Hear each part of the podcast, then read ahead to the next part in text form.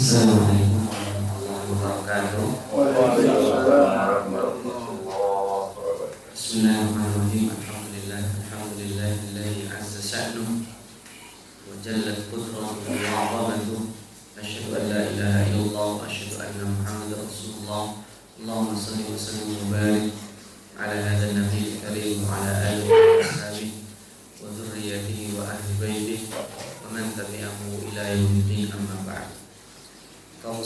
muslimat, bapak-bapak, ibu-ibu di mana pun anda berada pada hari Jumat di Jumat kedua di bulan yang baru di tahun yang baru dan bertepatan dengan tanggal 10 Muharram Allah Subhanahu wa taala menunjukkan kekuasaannya kepada kita di hari ini Musa diselamatkan Allah Fir'aun ditenggelamkan dan kita sebagai umat Islam juga dianjurkan oleh Rasulullah Berpuasa di hari ini dengan didahului hari kemarin atau ditambah dengan satu hari setelahnya.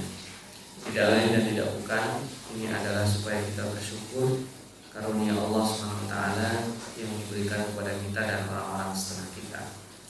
Nah, bentuk dari rasa syukur itulah kalau kita pada setiap hari Jumat menelaah kitab-kitab Allah Subhanahu wa taala, isi dari kitab Allah Subhanahu wa taala, bentuk kesyukurannya adalah bahwa kita diberikan kitab yang terbaik dari kitab yang sudah diturunkan Allah. Pada kajian kita pada kesempatan kali ini, Bapak-bapak dan Ibu sekalian, masih melanjutkan tema tentang pernikahan. Pada pertemuan yang lalu di halaman sebelumnya kita membahas tentang uh, siapa saja perempuan-perempuan siapa saja yang tidak boleh kita nikahi. Ada yang uh, dijelaskan tidak boleh dinikahi selama-lamanya. Ada yang dijelaskan dinikahi karena sementara seperti hanya dua orang perempuan yang bersaudara tidak boleh dinikahinya itu bukan selama-lamanya tapi dikumpulkan. Jika satu di antara mereka meninggal maka menikahi adik atau kakaknya diperbolehkan. Nah, maka melanjutkan dari itu semua ada beberapa pointer. Kesempatan kali ini kita akan memberikan uh, tambahan lagi dari yang telah Allah SWT jelaskan pada ayat ke-24 dan 25 serta 26. Kita akan membahas siapa tambahan dari perempuan yang kemarin tidak boleh kita nikahi. A'udzu billahi minasyaitonir rajim. Wal muhsanatu minan nisa'i illa ma malakat aymanukum kitaballahi 'alaikum. Dan di antara perempuan yang tidak boleh kita nikahi adalah wal muhsanatu minan nisa, yaitu perempuan yang bersuami, ya, perempuan yang ada suaminya. Kata-kata muhson di dalam Al-Quran itu artinya banyak. Eh, Muhson itu bisa berarti perempuan yang terhormat Perempuan yang punya ifat Tetapi dalam dalam kajian kita Yang muhsonat ini di sini adalah Perempuan yang bersuami Jadi kalau perempuan itu punya suami Tidak boleh dinikahi Meskipun suaminya tidak ada Tapi status dia adalah suami e, istri orang maka itu disebut dengan muhsanah. Tidak boleh kita nikahi. Maka ketika seseorang akan dinikahi oleh laki-laki, statusnya harus jelas bahwa dia free, bebas, tidak ada suaminya. Kalau dia punya suami harus diperjelas bahwa dia sudah ditalak, baik talak hidup ataupun talak meninggal kayak yang kemarin sudah kita jelaskan. Karena ini adalah bagian dari struktur sosial. Kita membahas surat An-Nisa itu adalah surat uh, membuat rekayasa perbaikan sosial dan dimulai dari struktur yang paling kecil yaitu keluarga. Maka kemarin kita sudah membahas di awal-awal ayat ada fenomena kezaliman yang dialami oleh perempuan yatim, kemudian ada hak-hak uh, ekonomi, kemudian ada perbuatan zina dan sekarang uh, membahas tentang uh, pernikahan. Nah, Wal muhsanatu minan nisa ini juga nanti akan menegaskan akan dijelaskan siapa saja perempuan yang yang uh, sudah menikah statusnya masih istri orang maka tidak boleh dinikahi. Termasuk nantinya adalah para budak yang ada suaminya. Nanti akan dijelaskan ya. Illa ma malakat aimanukum. Ini kecuali para. Nah, ini di sini illa ma malakat aimanukum adalah para budak yang ditawan yang suaminya ada di situ. Jadi kalau misalkan budak suami istri budak ini diambil kemudian eh, ada dalam satu rumah maka budak yang punya suami itu juga tidak boleh di eh, dikumpulin. Kenapa? Karena ini nanti akan terjadi kesimpang siuran. Kalau dia punya anak, jadinya anak siapa? Kan itu konsekuensinya besar. Kalau seorang budak dia mengandung atau hamil dari anak dari hubungan dia dengan majikannya, maka ketika bayi tersebut lahir, dia terbebas dari statusnya sebagai budak karena dia berarti mengandung majikan kan anaknya ini anak majikan berarti dia status budaknya akan selesai. Itu secara otomatis dan dalam agama kita dikenal dengan umul walad. Nah, ini tidak bisa status itu kemudian disatukan dengan status dia yang sebagai istri dari seorang laki-laki yang statusnya budak. Nanti akan dipertegas di ayat selanjutnya. Kita Allahi alaikum itu ketetapan Allah. Tidak dibolehkannya kita menikah eh, dengan ibu, anak, ya, kemudian keponakan, bibi, perempuan yang menyusui kita, saudara sepersusuan yang kemarin kita sudah berhati-hati. Jadi sebelum menikah atau menikahkan anak-anak kita harus diperjelas identitas calonnya. Calonnya itu tidak ada hubungan apa-apa dari yang tadi sudah diharamkan oleh Allah Subhanahu wa taala. Nah, kata Allah, "Wa uhilla lakum ma Dan semua selain yang disebutkan tadi boleh kita nikahi.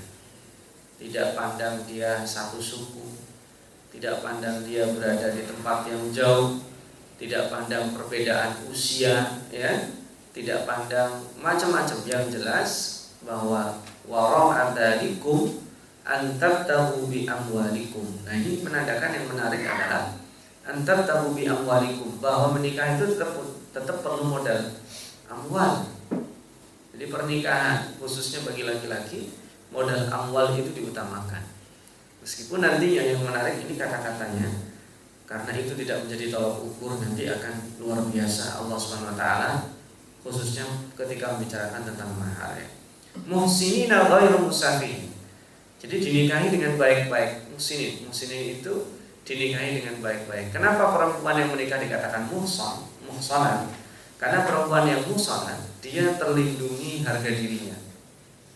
Jadi nggak bisa dia digoda, tidak bisa dilecehkan, terlindungi.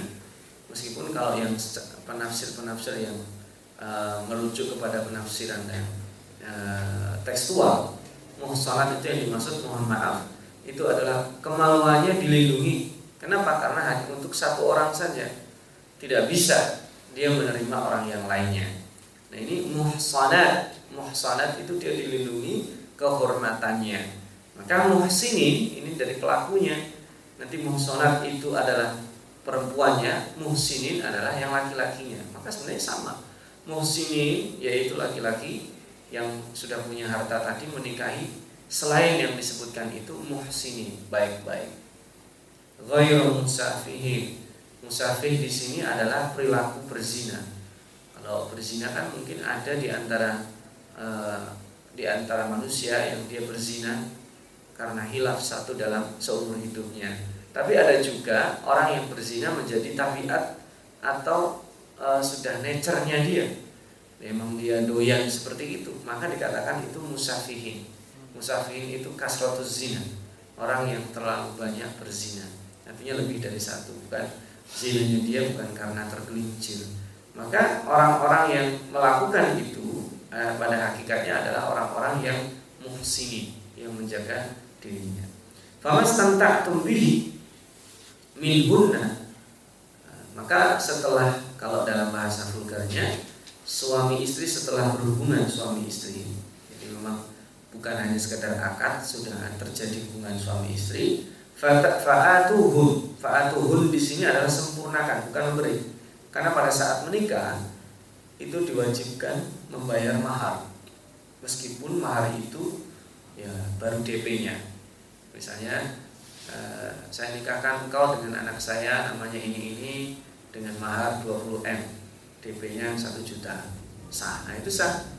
DP-nya sudah dibayar. Tetapi fa'atuhunna ujurahun itu artinya apa? Sempurnakan maharnya. Faridoh wajib. Karena itu komitmen bukan masalah hartanya tetapi komitmen seseorang kepada e, istrinya yang telah dia nikahi dan dia ambil tanggung jawabnya beralih dari orang tuanya dari ayahnya menuju e, tanggung jawab yang menjadi beban dirinya yang bukan siapa-siapa sebelum sebelum akan nikah. Wala junaha alaikum fi ma taradaitum bihi min ba'dil fariḍah nah ini luar biasa. Kalau setelah terjadi hubungan suami istri kemudian istrinya bilang bang udah maharnya saya rindu abang tidak usah terusin. Jadi udah yang kemarin aja. Sudah yang kemarin aja. Nah itu sah. Tidak perlu laki-lakinya meneruskan komitmennya. Tapi kalau laki-lakinya meneruskan oh tidak. Itu tanggung jawab laki-laki. Laki-laki pantang untuk mengubah komitmennya. Misalnya itu bisa saja. Kenapa? Bahasanya luar biasa wala junaha alaikum fima taradaitum. Bahasanya itu tidak ada dosa. Artinya nggak apa-apa kalau kalian punya komitmen diubah komitmennya setelah terjadi hubungan suami istri. Makanya membayar, membayar mahar itu tidak harus cash, tidak harus tunai. Bisa dicicil ya. Bahkan maharnya bisa dibayar belakangan. Contoh misalnya si fulan menikahi fulana dengan mahar misalkan ngajari bahasa Arab. Itu disebut dengan mahar manfaat ya. boleh nggak? Boleh. Lah ngajarin bahasa Arab kan tidak mungkin pada saat akad. Dan ini ngajarin bahasa Arabnya kapan? Setelah menikah. Mengajarkan e, membaca Al-Quran. Ini seorang mu'alafah misalnya. Itu tidak mungkin dilakukan kecuali setelah menikah. Nah ini wala junaha alaikum fi ma itu adalah luar biasa ketika istrinya ridho maka istri itu kunci. Makanya kalau dia ditinggal dua tahun istrinya ridho dalam artian dia tidak memproses perceraiannya statusnya masih muhsana. Tidak boleh perempuan seperti ini dinikahi. Harus diperjelas dulu perempuan ini statusnya adalah free. Dia bukan istri dari seorang laki-laki meskipun sudah ditinggal sekian sekian lama kalau 10 tahun 10 tahun pun kalau belum ada dia ditalak, istrinya belum memproses pertalakan itu, maka statusnya masih istri si fulan. Gitu ya. Innallaha kana aliman hakima. Allah adalah zat yang maha tahu dan maha bijaksana. Nah, sekarang lanjutannya. Wa man lam yastati minkum taulan ayyankihal muhsanatil mu'minat. Barang siapa yang tidak sanggup di antara kita karena taulan itu adalah persiapan jangka panjang, jangka menengah. Uh, tidak dia memprediksi tidak sanggup menikahi perempuan yang merdeka. Di zaman itu zaman sekarang ada ada. Zaman sekarang tidak sanggup menikahi perempuan kaya nikah sama yang biasa-biasa aja. Gampangnya begitu. Ya, tapi ukurannya tidak itu sebenarnya kalau sekarang. Karena di sini ini membahas pada mengangkat derajat perempuan, termasuk budak sekalipun dibahas di sini. Nanti lihat di sini. Yang tidak bisa menikahi dengan perempuan yang merdeka, famimma malakat aimanukum min fatayatikumul mu'minat. Dia boleh menikahi. Nah, ini ini yang menarik. Kalau budak itu boleh tidak dinikahi, dia bisa istimta. Tetapi kalau dia ingin menikahi, boleh saja. Tapi sebenarnya tidak disarankan kecuali bagi orang yang tidak mampu. Jadi orang merdeka laki-laki boleh menikahi budak e, perempuan. Syaratnya ada di sini nanti. Lihat bahasanya min fatayatikumul mu'minat. Jadi kalaupun terpaksa menikahi budak, maka yang diprioritaskan adalah budak yang masih gadis. Jadi bahasanya min fatayatikum yang kedua, selain syarat masih gadis adalah diutamakan ini tidak tidak harus ya. Al mukminat adalah budak yang beriman. Jangan sekali-kali meskipun budak syaratnya kemudian bebas. Syarat iman itu tetap menjadi prioritas ya. Wallahu a'lamu bi imanikum dan Allah SWT Maha tahu kalian itu beriman betulan atau tidak. Nah, ini di sini kan al-mu'minatnya perempuannya. Tetapi kenapa Allah SWT tidak mengatakan wallahu a'lamu bi imanihim? Allah Maha tahu keimanan mereka. Tidak, tapi wallahu a'lamu bi imanikum karena kita yang akan menikahkan atau menikah. Laki-laki yang menikah tadi itu kalau dia beriman, maka dia tidak akan memilih kecuali perempuan yang beriman juga. Meskipun perempuan yang beriman itu adalah seorang budak sekalipun. Karena nanti di ayat lain dijelaskan ya, wala abdul mu'minun khairun min musyrikin walau a'jabahu. Ya. Wala amatun mu'minatun ya dan amat atau budak perempuan yang beriman itu lebih baik uh, sekalipun dari seorang musyrikah walau a'jabatkum meskipun seorang non muslim tadi itu yang musyrikah itu cantiknya luar biasa. Nah, di sini Allah Subhanahu wa taala ba'dukum min ba'din itu e, menjelaskan e, keterkaitan antara laki-laki yang menikah dengan perempuan ya. Saya mau membahas fakihuhunna bi ibni ahlihinna. Maka nikahilah mereka budak-budak perempuan yang beriman tadi bi izni ahlihin ini ini sekaligus menegaskan ahlihin di sini bukan keluarganya, tetapi apa? Majikannya, tuannya. Jadi kalau tuannya itu tidak mengizinkan, ya tidak bisa kita ambil karena menikahi seorang perempuan itu kan mengambil alih. Seorang budak itu tanggung jawab penuh ada di di pundak tuannya. Kalau tuannya ini belum mengizinkan dia menikah, itu artinya statusnya masih budak dia. Kalau sudah diizinkan, itu artinya statusnya dia sudah pindah dari budaknya si fulan menjadi istri dari si fulan.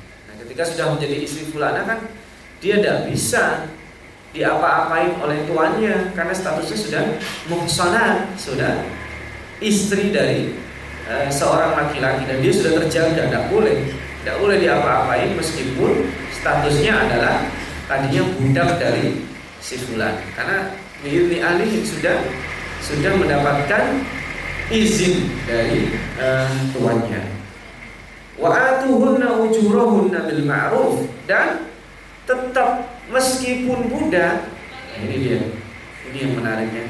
Meskipun budak pernikahannya normal tetap diberi mahar. Meskipun itu anak yatim tempo hari kan kita sudah membahas ya. Anak yatim yang hidup di rumah kita kita pelihara dari kecil kita ingin nikahin dia.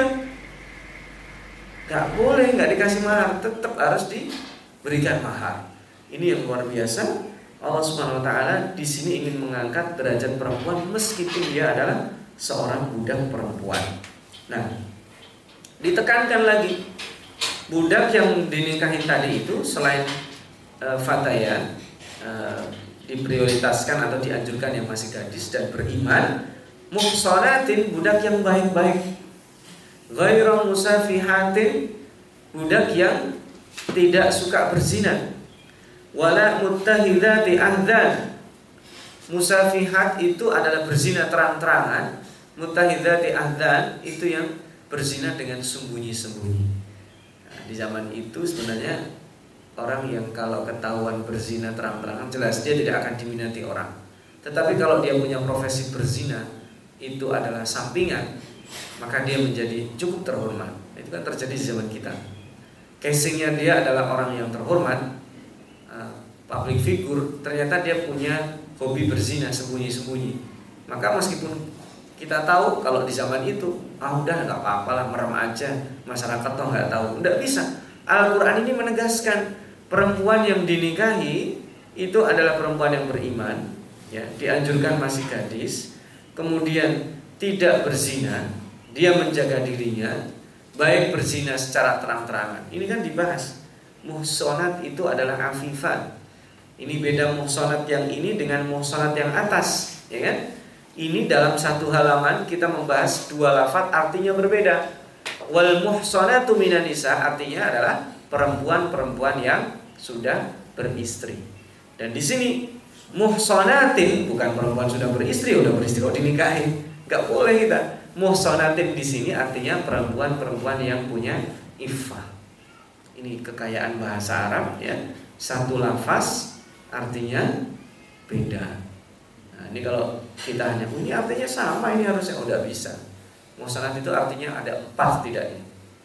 Bisa berarti dia Islam, muhsan itu bisa di, e, berarti Islam Muhsan itu bisa berarti bersuami atau beristri Dia sudah menjaga kemaluannya atau kehormatannya Bisa berarti iffah e, Atau bisa berarti Muhsanatin Itu bisa berarti apa? Merdeka Jadi dia sudah Statusnya sudah bukan e, sebagai e, tuan.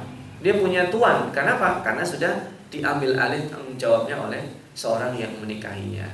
Jadi sebenarnya kalau misalkan uh, fulan si fulan mau menikahi budaknya si fulan yang perempuan itu sebenarnya dia sedang tawar-nawar boleh nggak saya nikahin budak budak anda?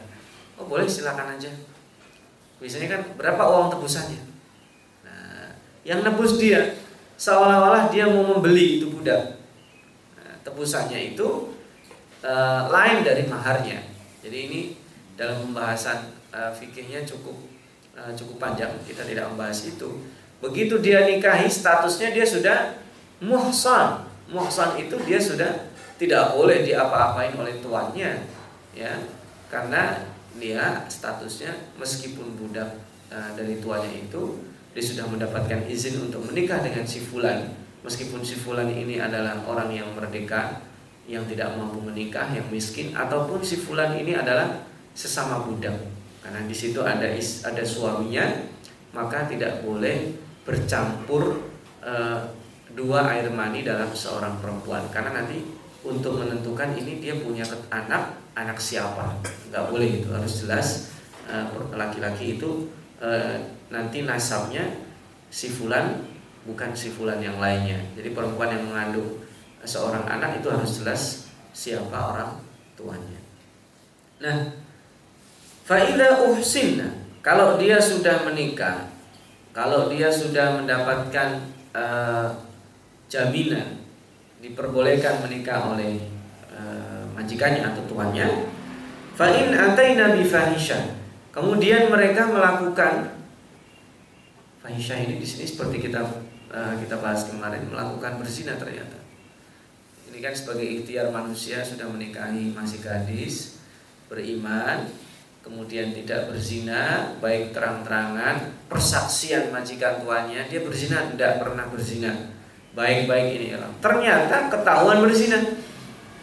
Fa in ataina bi fahishatin fa nisfu ma 'alal muhsanati minal adab. Maka hukumannya adalah setengah dari hukuman orang-orang yang merdeka nah ini muhsanat yang di sini merdeka artinya ini kita ber dalam satu halaman arti muhsonat berbeda semuanya. Al muhsonat di baris pertama artinya perempuan yang sudah punya suami. Muhsonatin yang kedua artinya adalah perempuan yang e, punya iffah, ya menjaga dirinya ya. Al muhsonat tadi nisfu al muhsonat yang ketiga artinya perempuan yang merdeka. Jadi perempuan yang merdeka itu disiksanya, e, dihukumnya itu kan dicambuk 100 kali kalau berzina kan ya az-zaniyatu waz-zani fajlidu kulla wahidin minhuma mi'ata jaldah dalam surat uh, An-Nur ya kalau ada seorang perempuan atau seorang laki-laki yang berzina kemudian ketahuan persaksiannya cukup atau dia mengaku maka mereka dicambuk 100 kali itu kalau perempuannya adalah atau laki-lakinya adalah orang yang merdeka kalau dia budak maka di sini dibahasakannya apa nisfu ya ma alal muhsanati minal adab. Jadi dia dicambuknya berapa kali? Setengahnya itu 50 di situ. Ini juga mengangkat derajat perempuan karena dibahas. Dengan dibahas itu artinya dia diorangkan. Jadi kita kalau ingin memperhatikan orang itu dibahas saja, dibicarakan aja, meskipun pembicaraannya tidak ideal. Itu artinya dia dibahas, bukan uh, bukan dicuekin. Ya. Kemudian dari kalimat khasyal anatamikum Demikian itu e, bagi orang-orang yang takut al-masyaqqah di antara kita. Ini pembahasannya lebih luas, bukan hanya permasalahan uang, tetapi permasalahannya adalah permasalahan perilaku istri. Jadi ini ya tindakan-tindakan seperti ini Allah Subhanahu wa taala baik tindakan preventif atau kemudian ketika terjadi ada masalah ya itu adalah supaya tidak memberatkan bagi suami-suami. Ya. Makanya sebenarnya ketika mohon maaf ada seorang laki-laki dia menjumpai istrinya berzina itu statusnya bukan langsung otomatis dia bercerai dengan istrinya ada dua di situ dia ngambil uh, dia bisa mengambil pilihan dia bisa mengambil pilihan lian ya menuduh istrinya berzina tanpa saksi yang itu dibahas dalam surat An-Nur kalau itu diambil berarti itu adalah cerai yang tidak bisa rujuk Kenapa? Karena dalam li'an itu saling melaknat antara suami istri. Karena istrinya dituduh berzina. Suaminya yakin itu berzina, dia melihat dengan mata kepala tapi nggak punya saksi. Tapi dia dibolehkan. Kenapa? Karena suaminya. Kalau orang lain dicambuk itu orang.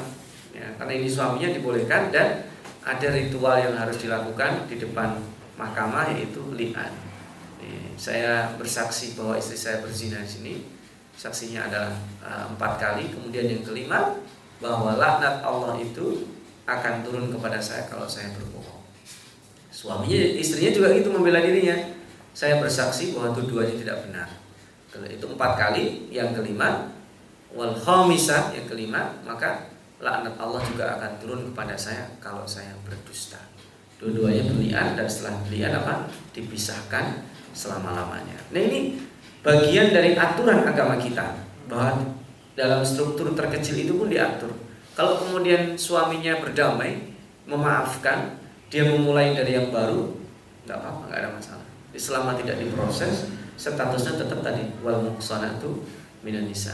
Gimana yang ditinggal istrinya selama lima tahun, ditinggal suaminya selama lima tahun, tetap statusnya itu adalah istri orang yang meninggalkannya. Sampai dia memutuskan saya bercerai dengan suami saya yang meninggalkan sekian waktu lamanya. Maka jatuhlah talak masih talak satu masih bisa di dirujuk itu ya. Dari sejak status dia mengurus perceraian itu. Nah wa antasbiru khairul lakum ini juga mengibaratkan bahwa yang dibutuhkan bagi seorang suami terhadap perilaku istrinya itu bersabar. Kebalikan uh, dari istri ke suami. Kalau istri ke suami itu yang diperlukan apa? Bersyukur dan berterima kasih. Itu dua-duanya berat. Suami yang bersabar dengan istrinya itu berat. Istri berterima kasih pada suaminya itu berat. Maka seorang laki-laki yang bersabar dengan istrinya dengan kekurangan-kekurangannya pada hakikatnya Allah Subhanahu wa taala menurunkan kebaikan di situ. Nah, sebaliknya seorang istri yang menghargai jeripaya suaminya, bersyukur sekecil apa pun yang diberikan kepadanya, kan tadi sudah dibahas ya, kepentingannya adalah ridho. Wala junaha alaikum fima taradaitum. Meskipun tumnya di situ adalah kalian tetapi kalian ini sebenarnya karena Allah SWT mengatakan ba'dukum min ba'din itu adalah sama antara kita kalau sudah ter, eh, terjadi hubungan suami istri kemudian istrinya katakan udahlah nggak usah diterusin mahalnya suaminya mau komitmen silakan ridho dengan itu juga silakan istrinya ridho sudah cukup juga silakan tidak ada paksaan jadi sebenarnya asas dari hubungan pernikahan adalah ridho. Maka di situ wa antasbiru khairul lakum wallahu ghafurur rahim. Allah Maha Pengampun. Jadi sebenarnya ini dalam proses pernikahan kita dari sejak kita membangunnya dengan kemesraan sampai nanti terjadi masalah yang besar Allah saja memberi, memaafkan kesalahan yang dilakukan hambanya. Apakah kita tidak memaafkan kesalahan istri kita? Ini kan fitopnya demikian. Atau sebaliknya apakah seorang istri tidak memaafkan kesalahan suaminya? Maka wallahu ghafurur rahim konteksnya adalah bahwa Allah Maha Pemaaf, Maha Pengampun dan Rahim. Setelah mengampuni dia menyayangi. Tempo hari sudah kita jelaskan ya, kenapa ghafur itu padanannya rahim. Meskipun ada ghafurun halim, tapi sedikit. Ada ghafur selain rahim sedikit yang paling banyak dalam Al-Quran adalah Innallaha ghafurur rahim Wallahu ghafurur rahim Wa kana Allahu ghafurur Jadi kalau ghafur padannya rahim Itu Allah luar biasa Biasanya seseorang kalau sudah memaafkan dia mentok-mentoknya sudah nggak nganggap kesalahan itu. Tapi Allah tidak tidak cukup. Orang yang sudah diampuni akan didekap dengan kesayangan yang lebih dari sebelumnya. Makanya di dalam hadis kutsinya Allah menjelaskan dalam hadis yang panjang ya, Allah itu lebih berbahagia dari seorang laki-laki yang tersesat ketika melakukan perjalanan. Dikisahkan dalam hadis itu ya, dia lengkap membawa onta dan perbekalannya. Kemudian pada saat itu terjadi badai, ontanya pergi, perbekalannya nggak ada, dia udah nyaris mati. Ya, kerongkongannya kering pada masjid Eh kemudian di saat dia sudah nyaris putus asa, ontanya dengan makanan dan minumannya datang. Nah, kemudian dia selamat dari kematian, dia bisa makan, bisa minum, dia bersyukur kepada Allah, saking bahagianya dikatakan. Ya, dia berbahagia. Anta abdi wa ana. Nah, itu itu kesalahan mulutnya. Sebenarnya dia menginginkan menyebut Allah, engkau adalah Tuhanku dan aku adalah hambamu, tapi karena dia saking bahagianya salah menyebut anta abdi wa ana rabbu. Nah, engkau Allah adalah hambaku dan aku adalah Tuhanmu. Salah sebut karena saking bahagianya. Nah, Allah menerima taubat seseorang itu lebih bahagia dari laki-laki ini yang diselamatkan dari kematian. Dan kan gitu, orang sudah nyaris sekarat kemudian e, minuman dan makanannya datang bahagia, Allah menerima taubat seseorang itu lebih berbahagia dari itu. Makanya dikatakan ghafurun tidak cukup, ada rahim di situ. Yuridullahu liyubayyina lakum Allah menginginkan liyubayyana lakum wa yahdiyakum sunanal ladzina min qablikum wa yutuba wa yatuba alaikum. Allah menginginkan supaya jelas menjelaskan kepada kita dan memberikan petunjuk supaya kita berada dalam track sunnah yang telah dilakukan orang-orang baik sebelum kita. Di sini sunnah itu tidak selamanya baik. Ya. Karena ada man sanna sunnatan hasanatan kan ada man sanna sunnatan sayyi'atan ya kan ada dua maka sunan yang Allah inginkan di sini sunan alladzina min qablikum itu adalah sunnah-sunnah yang baik kalau kemudian ada wayatu alaikum kalau ada sunnah yang buruk yang dilakukan oleh kaum sebelum kalian yang Allah inginkan adalah kalian ikuti taubatnya. Maka wayatu alaikum.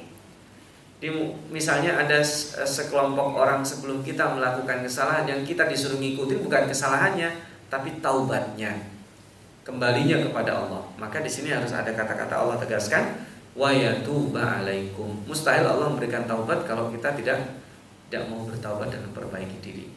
Baru kemudian Allah tekankan lagi wallahu alimun hakim Allah yang maha tahu dan maha uh, bijaksana nah ini dalam pembahasan ini kalau kita highlight ya dalam dua ayat panjang 23 dan 24. Kenapa Allah perlu membahas yang tidak boleh kita nikahi itu siapa kemarin? Ibu, anak, saudara, bibi ya, kemudian keponakan, ibu yang nyusuin kita ya, perempuan yang menyusuin kita dan saudara perempuan yang satu susuan, baik itu anak kandung ibu yang nyusuin kita atau bukan anak kandungnya tapi sesama satu sepersusuan ya. Kemudian eh, anak tiri ya, dari perempuan yang kita nikahi dan kita sudah berhubungan suami istri. Kemudian menantu ya. Wahala ilu abnaikum menantu dan mengumpulkan dua orang perempuan sekaligus untuk dinikahi ya kalau satu-satu boleh dan yang terakhir adalah perempuan yang statusnya adalah istri orang Kenapa itu perlu disebut? Itu adalah basic dari tatanan sosial supaya jelas. Sekarang kita hidup di zaman, mohon maaf, ada orang melakukan akad nikah menghadirkan ke anaknya, kan bingung kita. Akad nikah dilakukan disaksikan oleh orang-orang dia menenteng anak usianya sudah 10 tahun. Artinya dia sudah berhubungan lebih dari 10 tahun baru nikah diresmikan Terjadi nggak? Ada di zaman sekarang. Nah, itu ketika sudah struktur eh, sosial tidak dihargai. Ada orang hubungannya tidak jelas. Nanti nggak jelas lagi itu anak siapa. Dan itu kalau sudah terjadi maka rusaklah struktur sosial ini. Kalau sudah rusak struktur sosial maka rusaklah hukum Allah. Maka yang paling pertama dirusak dalam tatanan agama kita adalah keluarga. Nah, yang paling dirusak keluarga itu dimulai dari ibu dan anaknya. Kalau itu sudah hilang, maka tidak ada harga atau komitmen seorang laki-laki. Maka dirusaknya umat Islam itu biasanya dari seorang perempuan yang ada di dalam rumah. Maka kalau udah itu rusak, rusaklah tatanan keluarga.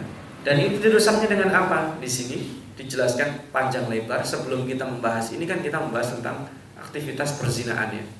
Nah, ini juga dibahas dalam kondisi pernikahan itu tidak luput.